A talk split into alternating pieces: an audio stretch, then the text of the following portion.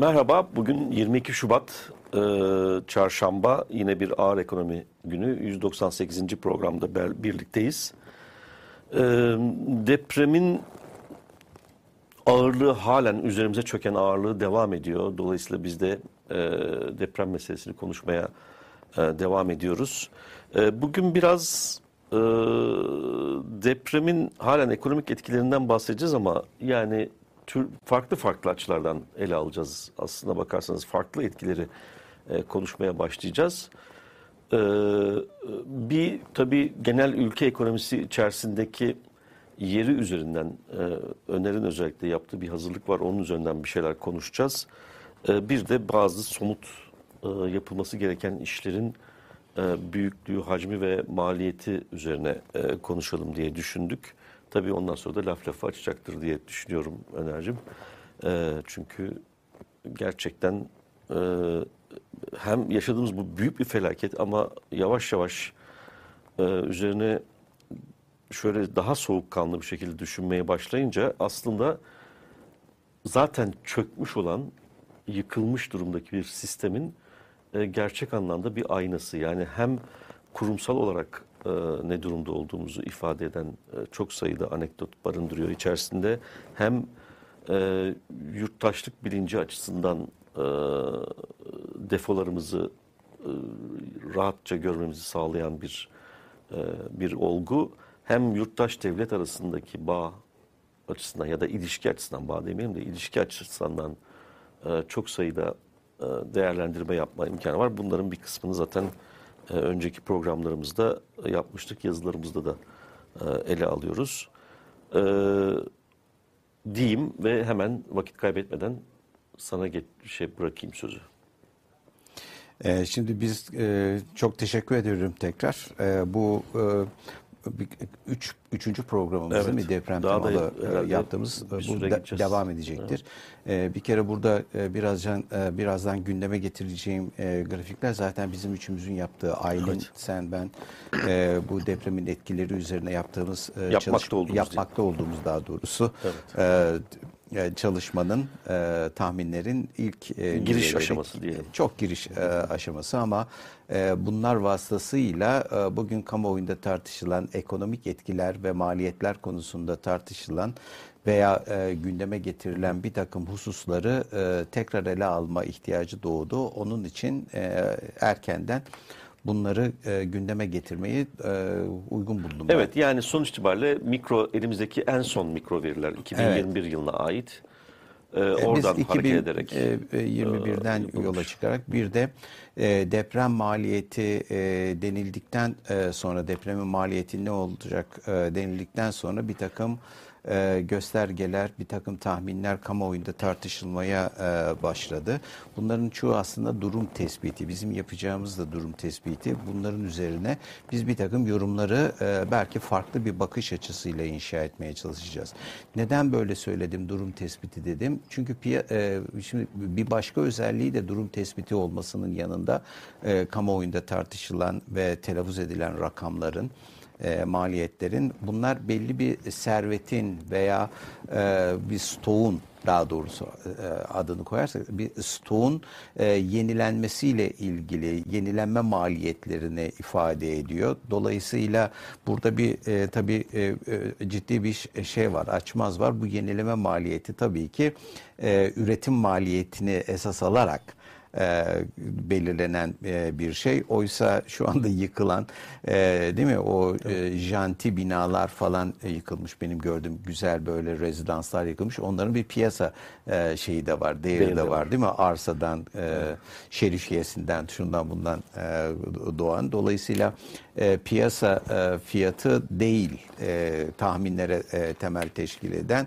e, fiyatlar. İşte bu hani çok basit örnekler olması babında bunları söylüyorum ama e, şimdi e, bu konudaki ilk e, çalışma e, hemen ertesinde depremin ertesinde yapılan Türk Konfet'in de e, sanırım değil, e, yanlış hatırlamıyorsam ama dediğim gibi durum tespitiydi. E, bölgelerin o 10 şehrin e, işte ekonomideki yerini tespit eden, bulgulayan bir çalışmaydı 99 bu. yılındaki depremde yaptıkları bir çalışmayı ekspor, ekstrapole ederek aslında. Yaptıkları tamam onda küçük bir, çalışmaydı. hayır yani. e, öyle bir şey de e, değildi diye hatırlıyorum. Sadece o şu ilin e, payı bu Ma- kadar milli gelirin ihracatta şu evet. bu falan diye onlar e, zaten milli e, gelir rakamlarında e, olan şeyler. E, o yüzden hani diyorum e, durum tespiti ve e, SUTA yönelik. Birinci e, problem şu bu tahminlerde. Ee, öncelikle 10 e, şehrin e, depremi hissetmesinden yola çıkarak e, bu e, e, analizi yapmaya konu olan e, kütleyi bu ana e, şey ya, e, ana kütleyi diyeyim bu 10 şehirle e, te- 10 şehri telaffuz ederek e, ele alıyorlar. E, mesela Adana bunların içerisindeydi.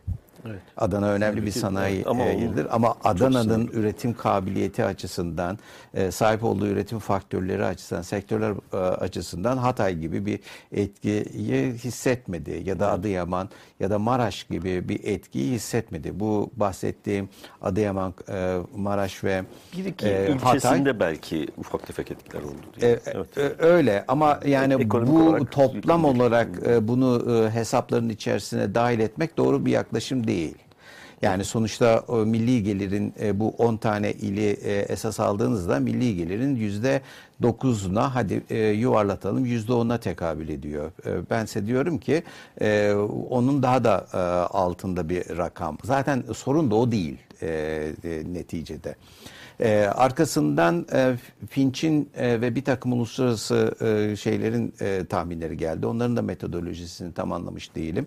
Çünkü kamuoyuna e, yansıyan e, sadece rakamlar nasıl tahmin edildiği konusunda benim e, çok fazla fikrim yok. E, haksızlık da etmeyeyim. Varsa da ben benim ihmalimdir. E, ama minimum 25 milyardan e, milyar dolardan bahsediliyor. E, benim anladığım kadarıyla da e, bu rakam sadece e, yeniden inşa maliyetleri olarak e, devreye giriyor. Değil mi? Evet. Telaffuz ediliyor. E, ve e, bunun gibi e, birçok şey e, e, tartışılıyor.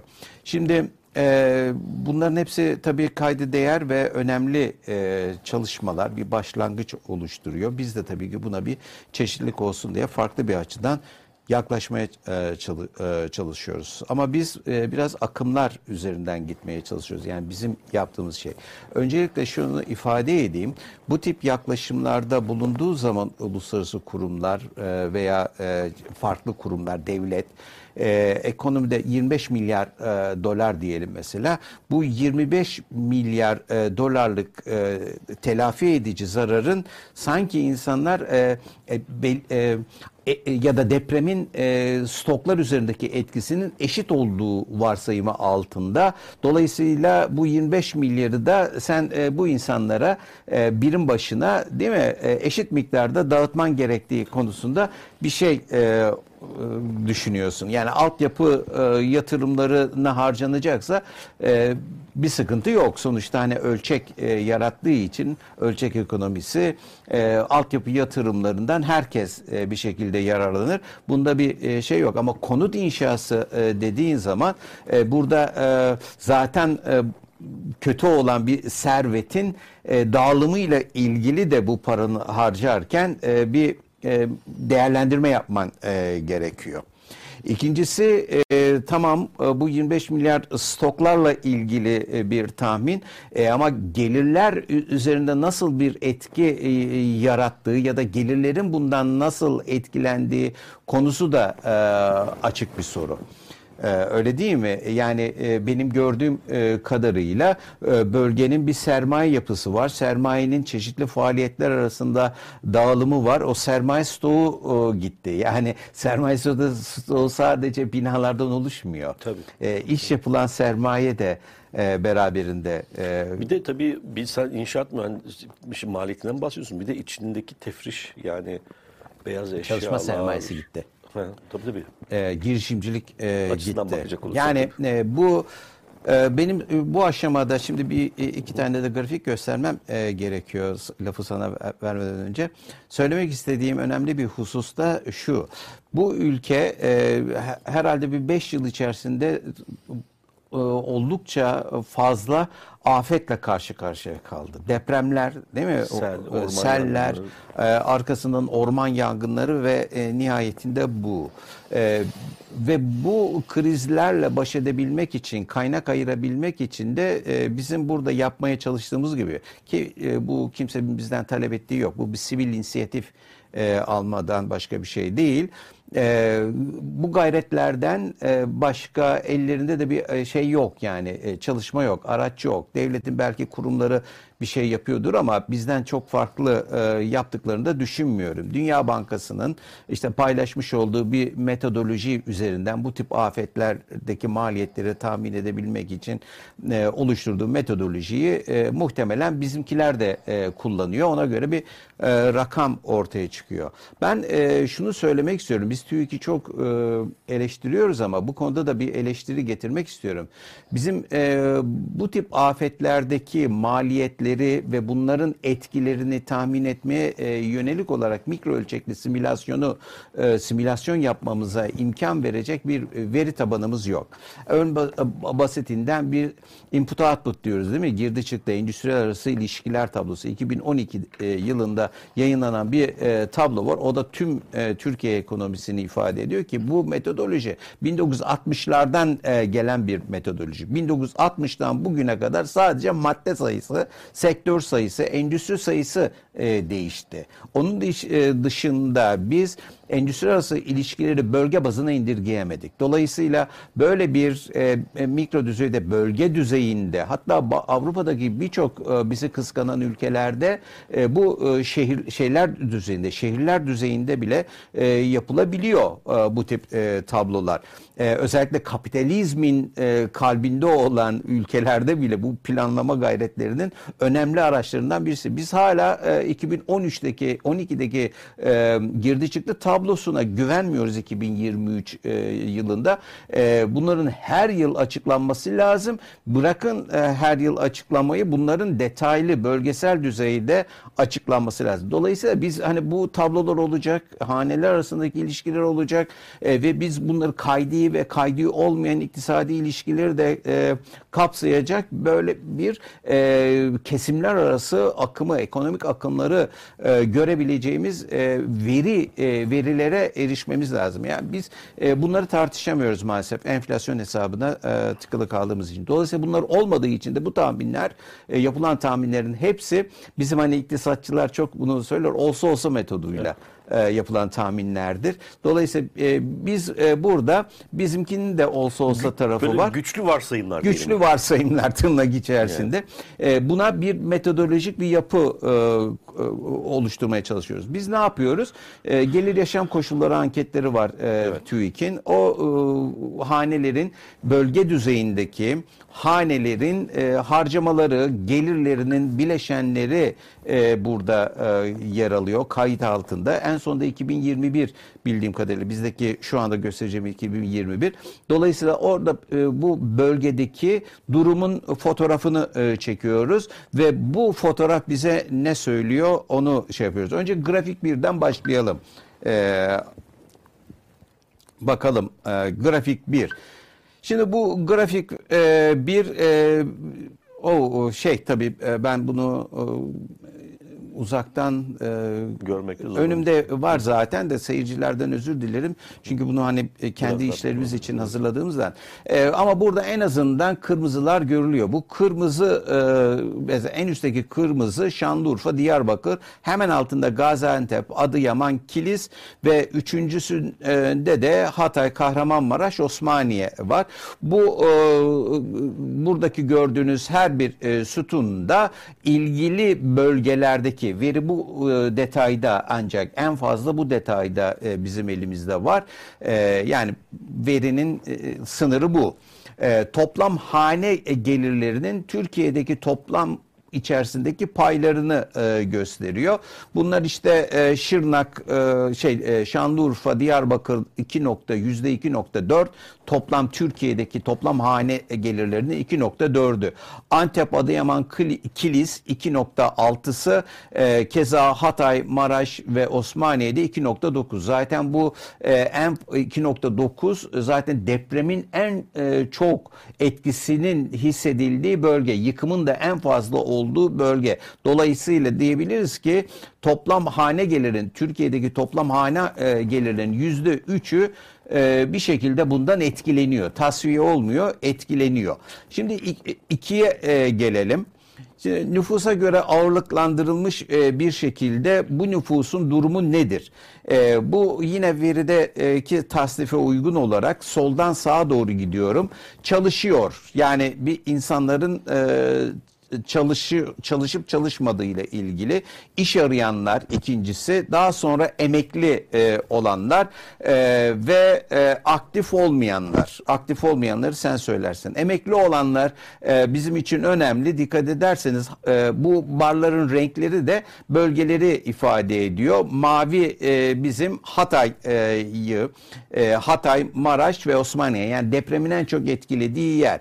E, sarı olan Urfa falan e, bu çok fazla etkilemedi. Etkilenmedi. Bu, etkilenmedi İktisadi açıkçası etki iktisadi olarak. Biz daha çok mavilerle e, ilgiliyiz ve e, gördüğünüz e, zaman maviler e, iş itibariyle bütün e, seçeneklerde en yüksek. Yani emeklilerin payının en yüksek olduğu yer Hatay, Adıyaman. Mavi e, ve gri ile ilgileniyoruz biz. Mavi ve gri ile ilgileniyoruz.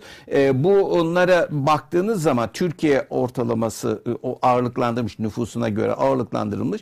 E, şimdi bu emekli gelirleri zaten sabit bir transfer geliri olduğu için bunların e, etkilenmesi pek söz konusu, söz konusu değil. Bu yani. e, gidecek. Burada kim e, çalışanlar var ilk başta. Keza aynı şekilde bu çalışanlar e, yine bizim ilgilendiğimiz iki bölgede gelirleri etkilenecek olanlardır. Bunların tabii e, özel kesim ve e, kamu arasındaki dağılımı da önemli. E, ama çok daha önemli ve sosyal anlamda bize e, ciddi yükler e, doğuracak olan iş arayanlar. E, dikkat edersiniz Hatay, Osmaniye ve Maraş'taki iş arayanların e, oranı e, bu bölge e, toplam nüfus içerisindeki oranı ya da bu etkilenen bölgeler açısından oranı çok yüksek. Ancak bunların Türkiye ekonomisindeki payları çok ağır, ağırlıklı olmadığı için e, Türkiye ekonomisine e, bunların çok fazla bir etkisinin olmasını e, beklemek e, sanırım e, mümkün değil. Evet. Ama e, bu e, dağılım e, farklı e, işlerdeki bu dağılım e, kendi içerisinde bölgelerin bu 10 bölgenin 10 şehrin kendi içindeki dağılım veya birbirleri arasındaki dağılımlar üzerinde etkili olacaktır diye düşünüyorum. Ancak daha da ilginç bir grafik var. Bu da son üçüncü grafiğimiz. Burada da bizim üçüncü grafiğimizi alalım. Ha, e, en çok hangi gelirlerin etkili yani e, üçüncüde e, bu Fonksiyonel nüfus, gelirleri gösteriyor. Ha? Fonksiyonel gelirleri. Fonksiyonel gelirleri. Yani mesela e, soldaki Ücret, e, ücreti gösteriyor. E, hemen e, onun yanındaki yevmiyeler ki bu bölgede yevmiyeli e, daha e, yaygın beklenirdi. Beklenir ama... diyelim. Urfa'da daha fazlaymış ama sonra işverenler e, geliyor. İşverenlerin payı üçüncü yani soldan üçüncü işverenler bu e, yüzde üçler civarında bu bölgelerde işveren e, zaten sanayide çok fazla yok e, burada. Evet. Onun yanında kendi e, işi olanlar bunlar bizim işte önemsediğimiz esnaflar yüzde on beş e, civarında bu bölgede Türkiye ortalamasına yansıtan e, bir oran var var. Daha sonra da ücretsiz aile işçileri. Onlar zaten gelir almıyorlardı. Ücretsiz Tabii, çalışıyorlardı. faaliyet. Ama e, şöyle bir e, sıkıntı var. Bu insanlar ücret almıyorlardı ama hanenin gelirinden yararlanıyorlardı. Hanenin bu ücretsiz aile işçilerinin hanenin gelir kaynağında bir depremden dolayı etkilenme varsa bu insanlar e, doğal olarak etkilenme riski, depremin yarattığı ekonomik risklere karşı açık duruma e, gelmiş e, demektir. Şimdi bu grafik aslında önemli. Niye? Çünkü e, bu bölgedeki insanların ana gelir kaynağının ücret gelirleri olduğu çok açık. Bunun bir kısmı tabii ki e, kamuda çalışanlardır. Yüzde yirmi desek. e, Üçte bunun- biri aşağı yukarı. Üçte biri. diye tahmin ediyorum ben. E, o bakacağız şundan ona. dolayı çünkü toplam iş gücü piyasasında çalış, istihdamın yüzde aşağı yukarı 20-25'i oldu. Yani 4,5 milyon civarında kamu çalışanı var. Ee, Yüzde 20-25'i aşağı yukarı Yani kamu. Türkiye'deki orana e, Ee, şey Ama yapıyorsun. öbür tarafta biraz daha fazla e, kamu ağırlığı vardır. Çünkü şeyden biliyoruz. e, benim o meşhur Doğu diye adlandırdığım bölgenin içerisinde kalıyorlar bunlar. Ve orada ücretli istihdamın e, büyük bir kısmı kamudan geliyor. Kamu. Evet. Yani bu niye önemli? Niye bu falandır. kadar zaman harcıyoruz biz bununla ilgili? Çünkü kamudaki e, gelenlerin, kamudan ücret alanların gelir akımları devam edecek, Edecek. etkilenmeyecek. Devlet onların parasını verecek. Belki iş almayacak, sos, e, işler hani aksamış olacak falan ama sosyal yardım mahiyetinde bu devam, Devam edecek. Ancak e, büyük bir kısmı özel sektörden ücret mesela, e, evet. elde ediyor ve bunları bu ücretleri bizim telafi etmemiz lazım. Şimdi e, bugüne kadar yapılan tahminlerin e, çoğu aslına bakarsan bu stoklar üzerinden gittiği için gelirleri ihmal ediyor. Özellikle gelirin hangi tip gelirler olduğunu ihmal ediyor. Dolayısıyla burada bir problem ortaya çıkıyor. Özel sektörden ücret geliri elde edenlerin bir gelir kaybı e, olacak. Bunlar bir yoksulluk e, riskiyle karşı karşıyalar. Bunlar göç e, riskiyle karşı karşıyalar ve dolayısıyla e, e, bunları hani bölgede tutabilmek ya da gelir dağılımı etkisinin e, fakirleşmeyi önlemek istiyorsanız bu e, şekilde bunların desteklenmesi lazım. Burada, burada araya gireyim bir iki tane şey var. Ee, bir tanesi e, Antep'te bir işletmenin e, çalışanlarına insan kaynaklarından çalışanlarına giden bir şey vardı. Ee, mesaj. Eğer e, deprem e, zede olduysanız yani işe gelebilecek durumda değilseniz işten çıkışınızı e, yapacağız diye. Bu bir. Yani e, eğer bir şey yapılacaksa, önlem alınacaksa e, bu tür işten çıkarmaların denetim altına alınması E, Covid'de yapılmıştı. yapılmıştı. Yine benzerinin yapılması gerekiyor. Ee, ikincisi burada bağımlılık oranı da bu bölgede çok yüksekti. Yani bir ücret geliri varsa bu ücret gelirinin yani kamu dışındaki ücret gelirinin e, aşağı yukarı 2-3 kişiye ortalama olarak e, baktığını söyleyebiliriz. Dolayısıyla burada e, bir ücret gelirinin yok olması şu ya da bu nedenle vefat olabilir, e, bölgeden e, gidelim bakalım ne olacak diye e, karar vermiş olabilirler ya da iş yeri yıkıldığı için ya da çalışamaz duruma düştüğü için e, olabilir. Burada sadece çalışan değil o çalışanın yakın çevresi de etkileniyor. Dolayısıyla rakam aslında göründüğünün çok ötesinde çok büyük miktarlar. Şöyle bir şey daha var. Özel sektör dediğimiz özel sektörün e, merkezinin e, bu iller olması gerekmiyor. Örneğin bir Tabii. bankada çalışıyorsa ücret geliri alıyor özel sektörde ama o banka İstanbul'da e, merkezi. Yani bunların da ayrıştırılması lazım. Bunların içerisinde lokal bir işletmenin e, sınırları, pazarı lokal olan işletmeler açısından bunun çok e, ciddi bir problem e, olacağını ben düşünüyorum. Ancak e, dikkat çekmek istediğim e, son husus da kendi e, namına e, çalışanlar. Bunlar aslında bizim esnaf dediğimiz e, kesimler ve e, bu e, esnaf e, esnafın iş imkanı kalmadı. E, Türkiye ortalaması %15'tir e, toplamda. E, bu e, bölgedeki e, rakamlar da 13 ile 15 arasında e, değişen bir orana sahiptir. E, ve bu bizim maliyet hesaplarına dahil etmemiz gereken bir gelir unsurdur. Burada ciddi bir azalma olacaktır. Neden? Bir kere bunların hani bir ev inşasıyla Sayın Cumhurbaşkanı hani söylüyor ya sürekli olarak evleri inşa edeceğiz TOKİ ile. Mesele o değil. Değil, evet. Ya o olayın bir e, bölümü. Ancak e, bu e, esnafın dükkanı ne olacak? Hadi dükkanını bir tarafa bırakın. Evi bir sermaye stoğu olarak siz servet stoğu olarak inşa edebiliyorsunuz. O kişiye veriyorsunuz. Ama bir işi olan bir künefeci mesela Hatay'da aklıma hemen o geldi. E, bu adamın çalışma sermayesine ihtiyacı var. Ya da bir bakkal ya da bir market e, bu tip bir işletmenin bir çalışma sermayesine ihtiyacı var. Yani binayı yaptınız, e, yeri hazırladınız e, olduysa e, bu işi aynı e, caddede yapabilecek mi? Öyle değil mi? Yani şimdi şehir planları da değişecek. Ona göre lokasyonlar değişecek. Bu insanların aynı düzeyde gelir kendilerine gelir yaratabilecek e, bir çalışma sermayesi İki, yatırım sermayesi ve gelir yaratabilecek bir çevresel e, etki analizi yapıldı mı? Yani bunlar yapılmadan direkt olarak deprem binaları yıkar, insanların barınma sorunu ortaya çıkar. E, dolayısıyla biz bunları yerine inşa ederiz, mantar gibi binaları dikeriz ve devlet şeyin depremin yaralarını sararız. Böyle bir şey yok. E, deprem e, sadece binaları değil, dokuyu, ekonomik hayatı, insanların gelir gelir akımlarını, bölgenin gelir akımlarını birbirleriyle, diğer illerle, büyük şehirlerle olan ilişkilerinde etkileyen e, bir e, şeydir, afettir. Dolayısıyla bunların hepsinin birlikte e, dikkate alınarak planlamanın yapılması gerekir. Öyle işte bir yıl içerisinde ben bina yaptım. E, olmaz. Yani harfiyat birazdan sen bileceksin herhalde Evet, rakamları. rakamları.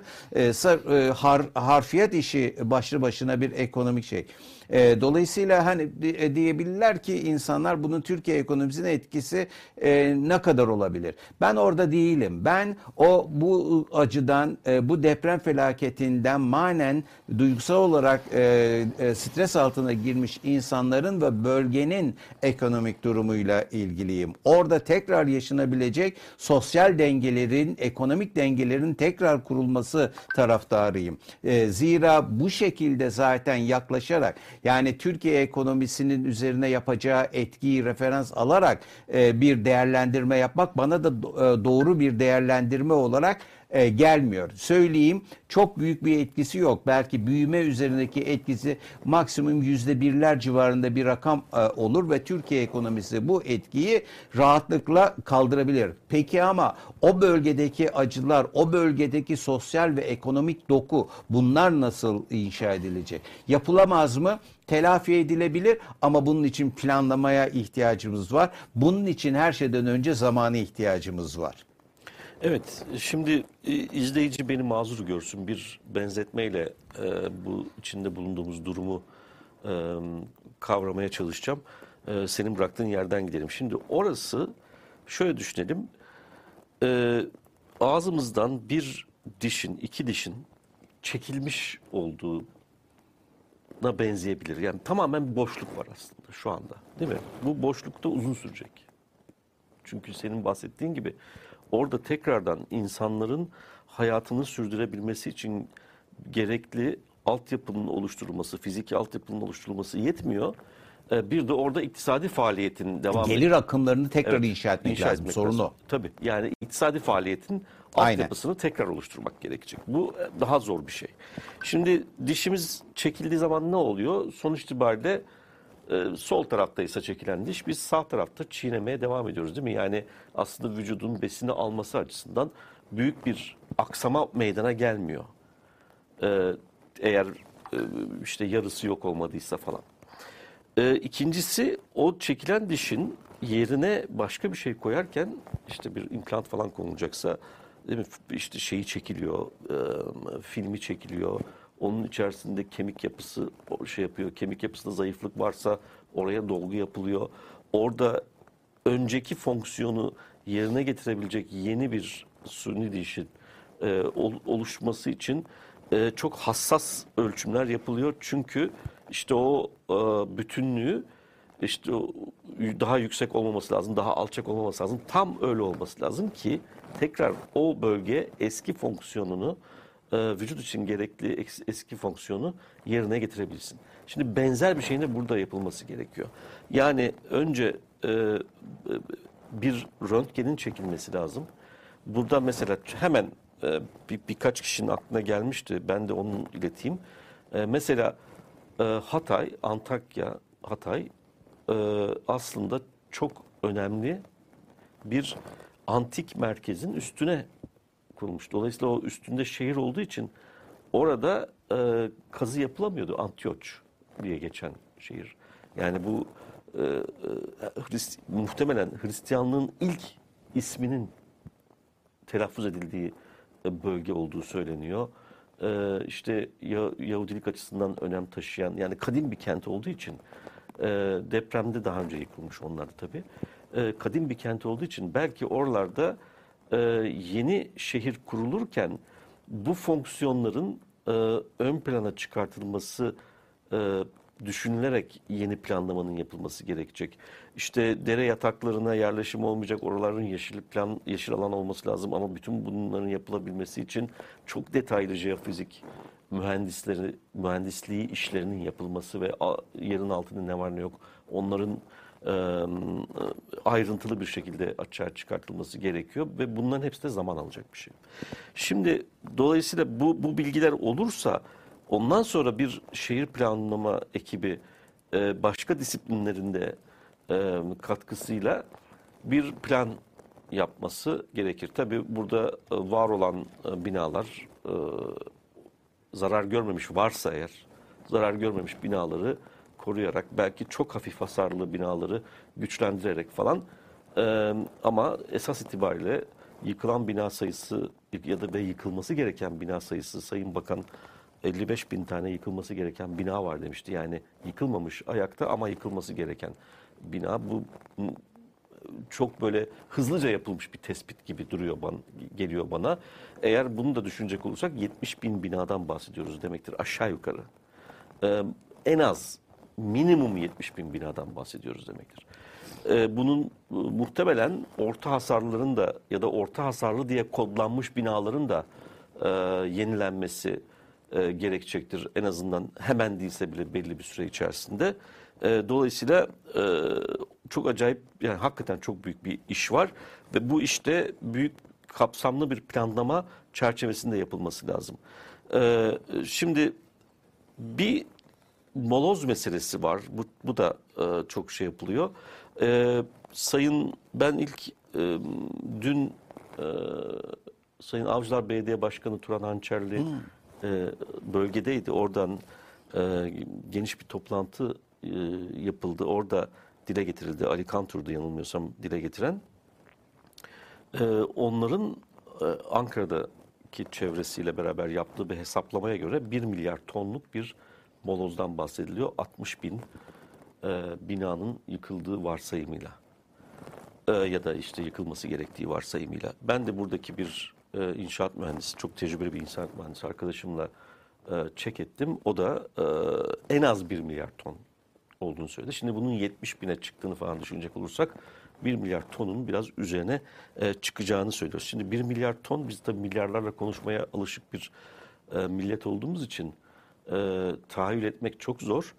E, şöyle diyelim e, bir kamyonun ya da işte büyük kamyonun 20 ton taşıdığını varsayarsak e, bu 50 milyon sefer demek.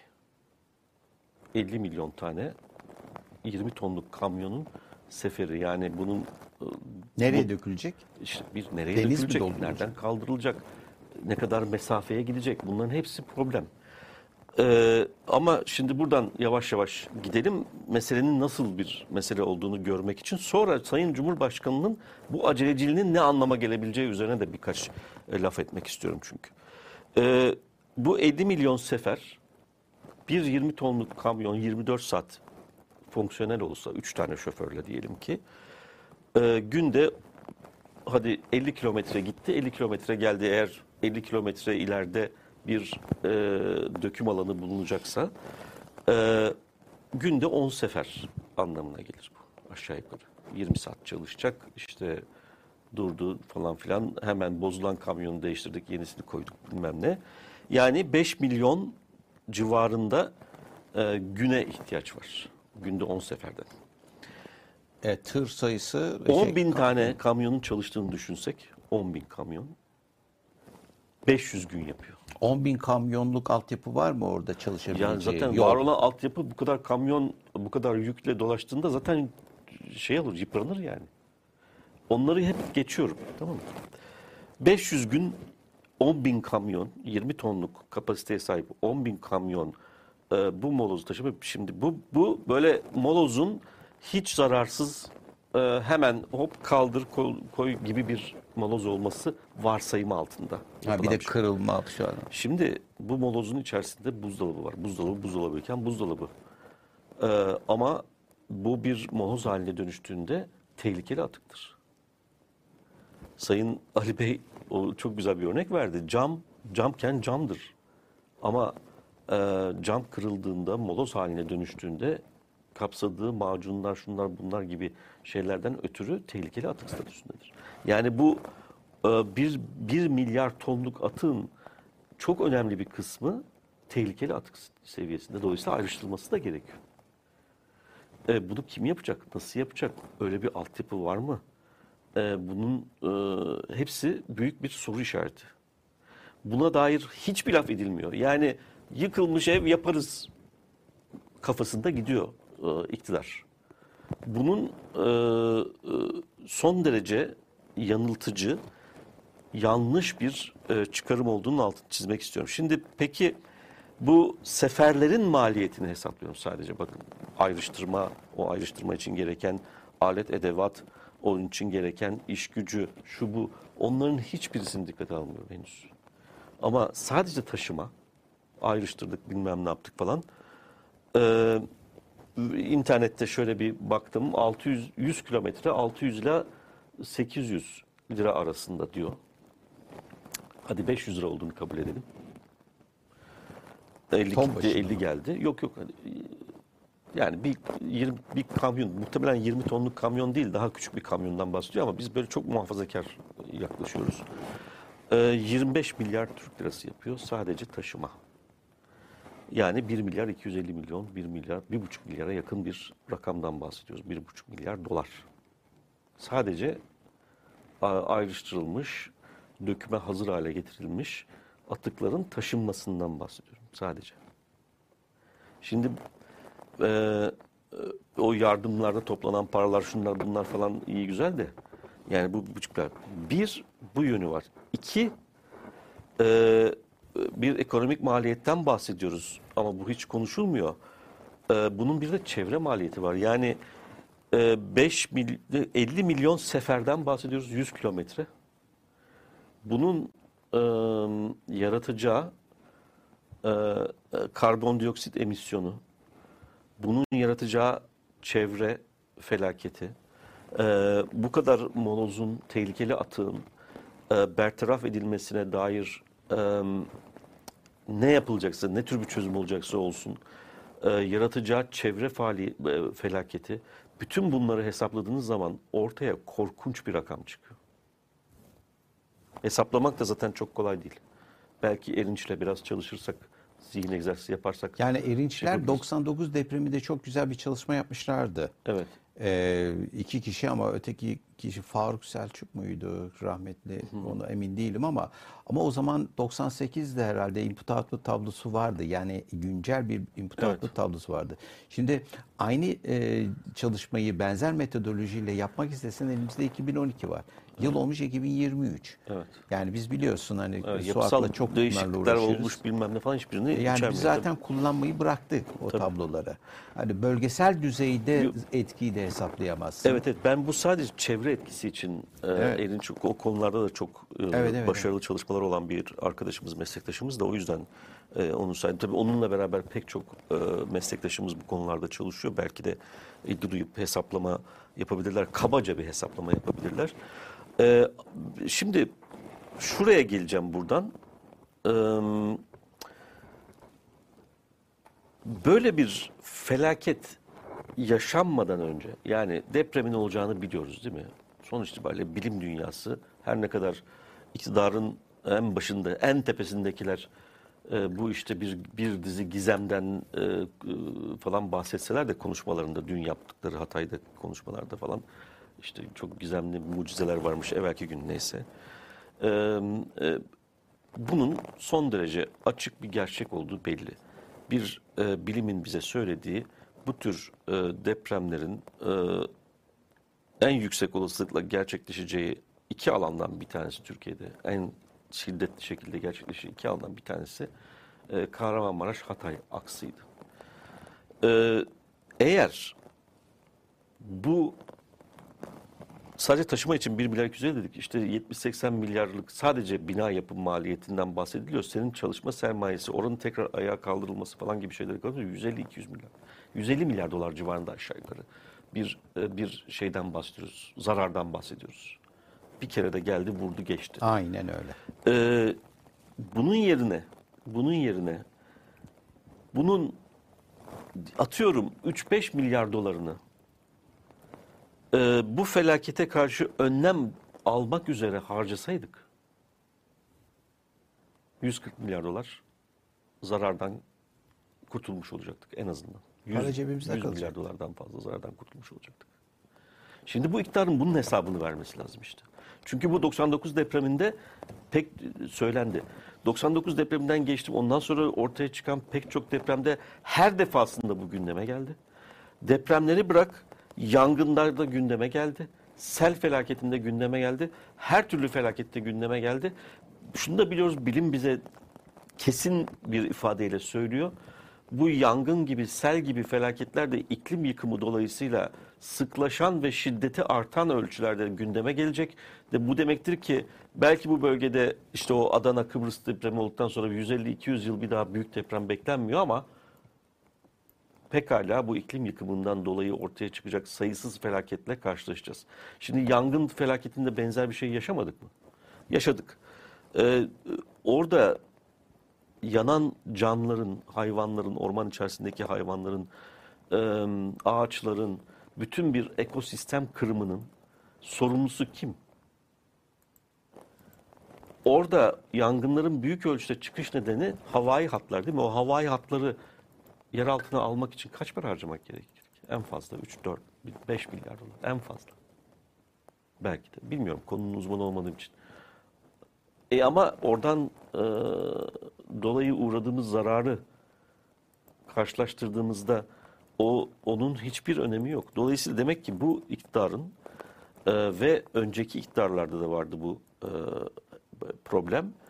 E, önümüzdeki dönem iktidarlarında olmaması için e, bu anlayışı kesinlikle ve kesinlikle değiştirmemiz gerekiyor. E, bu felaketlerle karşılaşmadan önce o felaketlerin etkisini en aza düşürecek e, önlemleri almanın bir harcama olmadığını, büyük bir tasarruf olduğunun farkına varmamız gerekiyor bütün herkes olarak. Yurttaşlar olarak, idareciler olarak, iktidarlar olarak. Önce bu konuda bir anlaşma imzalamamız gerekiyor. Şimdi gelelim şeye.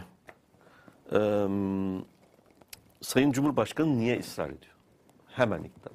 Çok açık ortadaki bunun bir seçim propaganda malzemesi olarak değerlendiriyor. Yani bir felaket üzerinden e, e, çok yaygınlaşmaya başlayan bir kavram vardır. Felaket kapitalizmi diye. E, New Orleans'ta gördük bunu, Katrina kasırgasında gördük bunu. Değil mi? Ortaya çıkan e, e, felaketlerin sonuçlarının giderilmesi çok karlı bir şey. iş tırnak içinde. Yani orada zarar gören milyonların, hayatını kaybeden e, on binlerin e, kanları ve canları üzerine kar hesabı yapan bir takım işletmelerin ki bunu da piyasa aktörü olarak e, e, normal karşılanıyor. E, kar hesabı yapan insanların bu felaketleri yani insanların acılarını e, dan sonra ortaya çıkan iş fırsatlarını büyük bir kar unsuru olarak görüyor. Bunun siyaseten e, değerlendirilmesi de oy hesabı. Yani şirketlerin kar hesabı, siyasi partilerin oy hesabı bütün bu e, yaşanan acıların, e, yaşanan can kayıplarının üzerine gelip bunun ahlaken, bunun insani herhangi bir vicdani e, var, vicdan taşıyan bir varlık tarafından açıklanabilmesi, anlatılabilmesi mümkün değil. Ama bunu normalleştirmek için e, bunu yapıyorlar. Normalleştirmek için çünkü göz, gösteriş amacıyla 3-5 noktada temel atılması çok kritik önem taşıyor. Çünkü o temel atılması şunun beyanıdır. Bu sistem devam edecek. Bu sistemin devam etmesinin garantisi benim. Bana oy verirseniz bundan faydalanacaksınız. Dahası yani e, sistemde e, e, her şey aynı devam edecek. E, Evet, yani evet. hiçbir şekilde buradan Bu ders tür felaketler çıkartmıyoruz. Evet, bu tür felaketler Farklı çıkacak. bir yaklaşım, yönetim tarzı da Evet. göstermiyoruz ve hesap da vermiyoruz. Neden geç kaldığımızla ilgili de hesap vermiyoruz. İşte o hani meşhur e, şey vardır ya e, dillere pelesenk olmuş. E, Çince'de kriz fırsat demektir. İşte tam da tam da onun bir e, bir, görünümünü e, Niye öyle yaşamak. demişler? İşte Var ne mı bileyim, şöyle bir şey? Hiç bilmiyorum. Onun aslı var mıdır onu da bilmiyorum. Çince çok sembolik bir dil yani. İşte 3000 tane harf var sonuçta bunların. Ee, işte e, krizle e, fırsat aynı e, kelimeymiş. E, işte buradan şunu söylüyorlar. İşte tamam yıkılmış olabiliriz. İşte çok büyük zarar görmüş olabiliriz. Ama buradan bir fırsat bunu bir fırsat olarak değerlendirip yeni bir başlangıç yapmak için harekete geçelim. E, Kimin için fırsat ama? e işte kimin için fırsat çok önemli. Kim yıkılıyor? Kimin için fırsat? Bu fırsatın e, her Deprem fırsatın kimi bir, vurdu? Her fırsat her fırsatın e, bir de e, toplumsal maliyeti vardır. Yani bir ödeyeni vardır. Birileri para kazanıyorsa çünkü ne yazık ki sıfır toplamlı bir oyundayız. E, o maliyeti kime yükleyeceksiniz? İşte bu soruların cevabı aslında e, iktidarın bugün takındığı tutumun anlamını da e, tutumu anlamlandırabilmek için de e, çok yardımcı olacaktır. Şimdi bir de tabii e, bütün bunların yapılabilmesi için senin altın çizdiğin bir mesele var. Ona da e, görüyorum ama önce bundan önce bir şey e, yine Ali Bey tarafından anlatılan bir Kim anekdot vardı. Bey? Ali Kantur. E, Ankara'da bir iş insanı. E, Fransa'da biliyorsun Paris'te Notre Dame yangını oldu. Bu yangına hiç su sıkmadılar. Biz yani bu Paris itfaiyesinin acizliğinden kaynaklanan bir şey değildi. Çünkü e, Notre Dame eğer yangına maruz kalacak olursa takip edilmesi gereken prosedürler hazırmış. Hazırlamışlar her şeyi. Yangına su sıkılmayacak. Çünkü bina yanabilir ama orada tabanda işte muhtemelen bodrum katlarında falan çok sayıda değerli eee, şey var. Eee, eşya şu bu falan yani eee, sembolik anlamı olan, eee, dinsel anlamı olan çok çok değerli parçalar vardı. Onlara zarar çünkü su sıktığın zaman onların hepsi perişan oluyor. Dolayısıyla bırakın yansın. Orada kullanılan ağaç kadar çünkü sonuçta e, büyük ölçüde ağaçların ve taş, taş ve ağaçtan oluşan bina. Kullanılan ağaçlar bilmem hangi cins meşeymiş ve orada inşaat yapılırken e, kullanılan ağaçtan biraz daha fazlası e, dikilmiş ve bir orman yapılmış. Dolayısıyla orası yanacak olursa ihtiyaç duyulan e, aynı ağacı nereden bulacağınız da belli. Onu da alıp orada kullanacaksınız.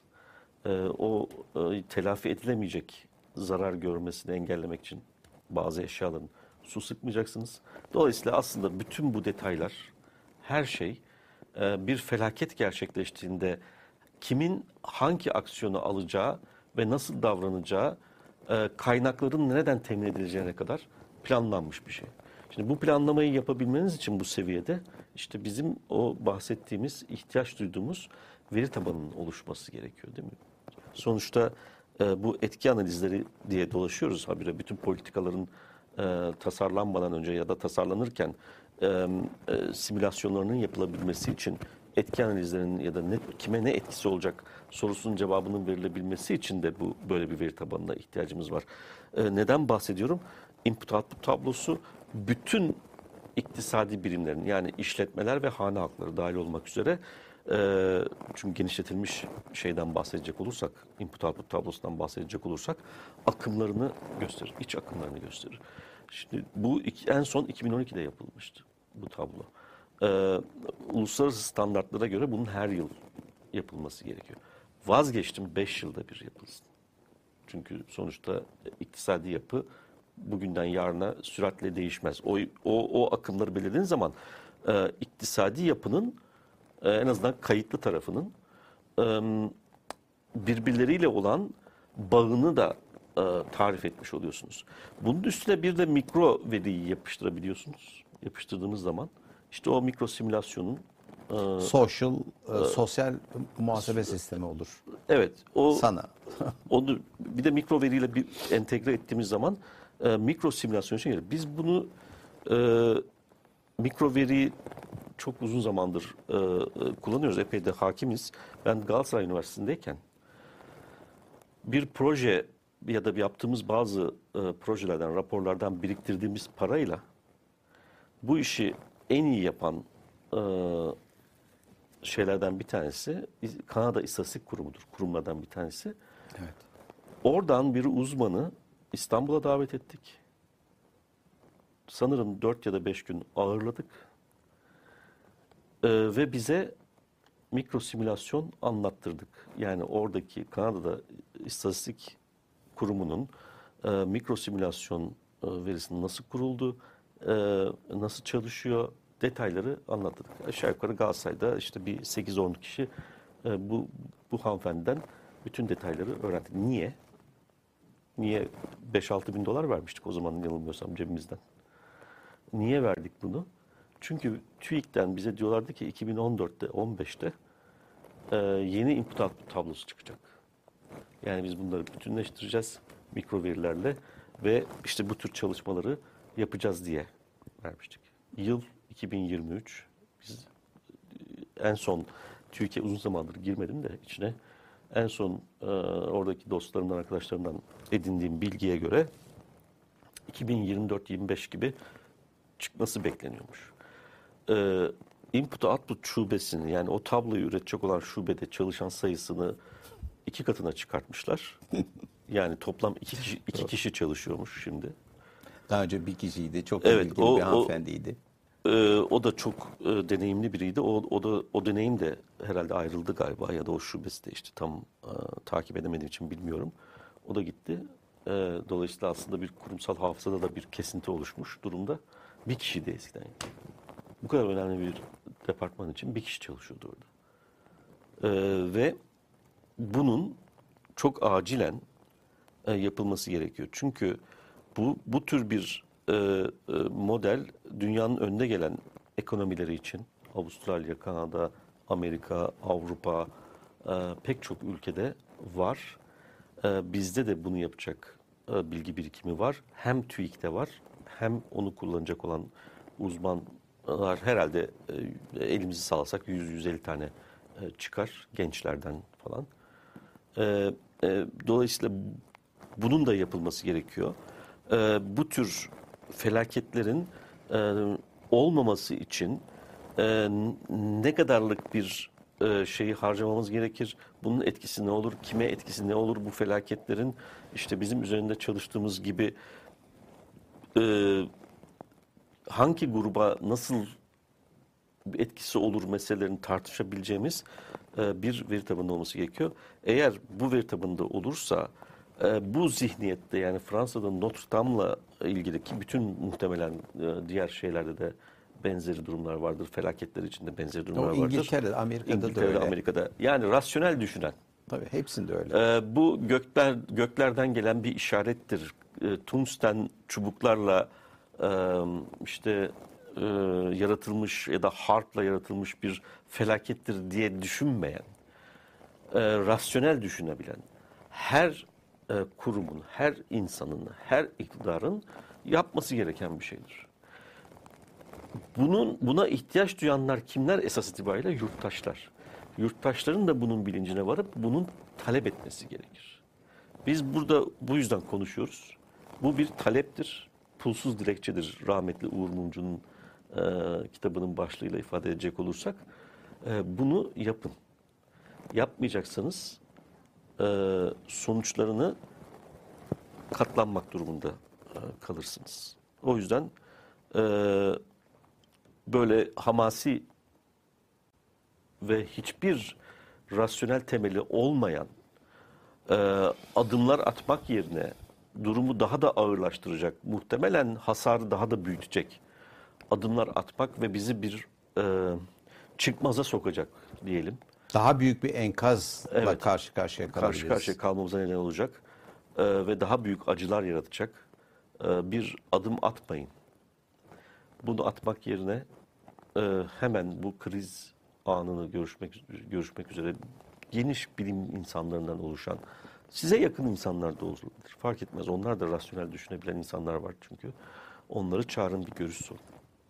E, katılımcılık burada çok önemli. önemli. Eğer bunu sadece siyasi bir şova döndürürsek ve bu yaşananları, bu acı deneyimleri siyasi bir rant elde etme için yeni bir fırsat, aynı 2016'da olduğu gibi bir e, fırsat olarak görüp ve bunun üzerine bir seçim stratejisi e, inşa etmeye kalkarsak buradan biz arzu ettiğimiz sonucu maalesef bulamayız. Bu o, bakımdan da toplumun uyanık olmasında fayda var. Yani bir de tabii bu akbaba sermaye diyelim felaket kapitalizmini e, e, büyük bir kazanç kapısı olarak gören şimdi işte sadece ha- şey bak daha e, inşaat yapılacaksa o inşaatın hafriyatından da bahsetmedik yani. Sadece yıkılan molozları sadece taşınmasından bahsediyorum. Bunun için 1 milyar 250 milyar dolar şimdi bazı e, bu işe meraklı ki isimleri de ortalıkta dolaşıyor aslında. E, meraklı insanlarda, akbaba sermayedarlarda e, böyle gözlerinin de dolar işaretleriyle bakıyorlardır etrafa. Onlara da meydan vermeyecek bir çözüm bulmamız gerekiyor. Bu bir temenni ama olur mu olmaz mı emin değilim. İşte o Bu yurttaşın dönemde. elinde. Bu haftalık bu kadar. Evet bu haftalıkta bu kadar diyelim. Önümüzdeki hafta devam edeceğiz. Deprem meselelerini daha konuşacak çok şeyimiz var çünkü. Hoşçakalın.